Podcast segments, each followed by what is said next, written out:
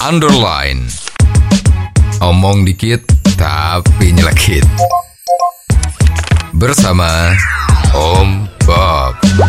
Temukan di channel YouTube Om Bob Indonesia.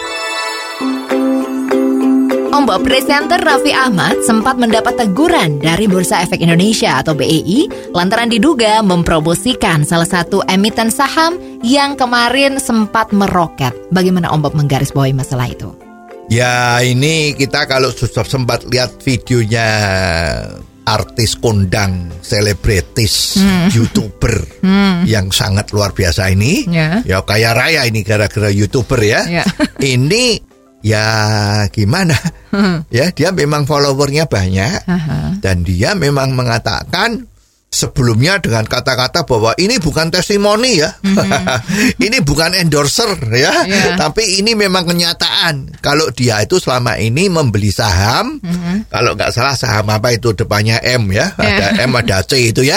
Nah itu dia merasa untung. Ya. Nah sekarang situasi pandemi kayak gini kan memang semua cari jalan bagaimana supaya tidak usah bekerja keluar rumah supaya tidak ada kerumunan tetapi kantong harus tetap isi kan? Iya. supaya kehidupannya tidak merosot. Ya kalau merosot ya merosot sedikit lah ya. Ah, tapi kalau bisa tidak merosot. Ya, ya. Nah, salah satunya kan ya perdagangan-perdagangan yang bisa dilakukan lewat online. Iya. Ya, Ya. Nah, salah satunya dari apa yang dilakukan sama Raffi ini begitu, ya, pinter ini ya, ya. Nah, itu dia mengatakan ini bukan endorsement, ya, ini cuman pengalaman saya.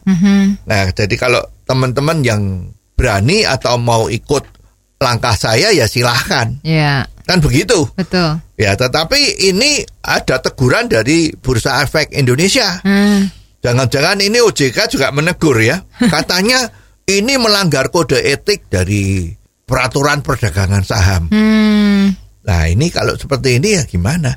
Katanya si Raffi nanti bisa kena masalah hukum. Hmm. Kalau orang pada beli Mhm. terus ternyata jeblok. Tidak untung nuntut ke Raffi. Hmm. Ini gimana? Gitu Ya, kan? ya, ya. Nah, sekarang kalau sebagai orang awam Mhm. Ya itu masalahnya Raffi kan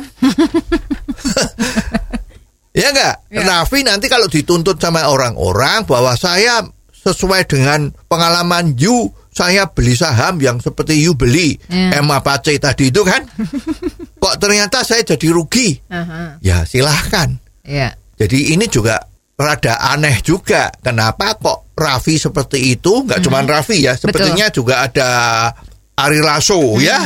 Itu kok perlu ditegur kenapa? Iya. Ini kan rezekinya dia. Iya, iya. Ya kalau memang dia endorse pun salahnya apa? Hmm. Ya kan? Apa sekarang kalau orang beli saham walaupun tidak ada yang endorse, tidak ada orang yang cerita, Ya. terus dia rugi. Apakah bursa efek Indonesianya dituntut? kan tidak. Ya, Ini juga begitu. betul. Ya kalau si Raffi dan Ari Lasso itu punya pengalaman dan dia ceritakan sama orang, apa enggak boleh? Iya, iya. Ya, katanya negara demokrasi.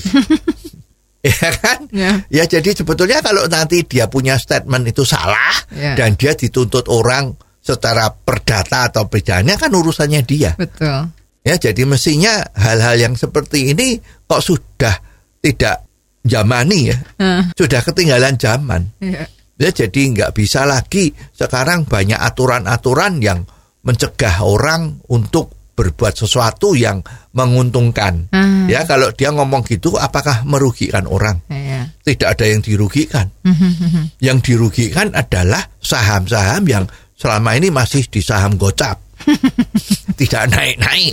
Nah itu kenapa kok nggak ada yang rekomendasi ya? Aman begitu. Ya. Jadi rakyat itu nggak dirugikan. Mhm. Ya jadi mestinya hal-hal yang seperti ini jangan sampai terjadi lagi.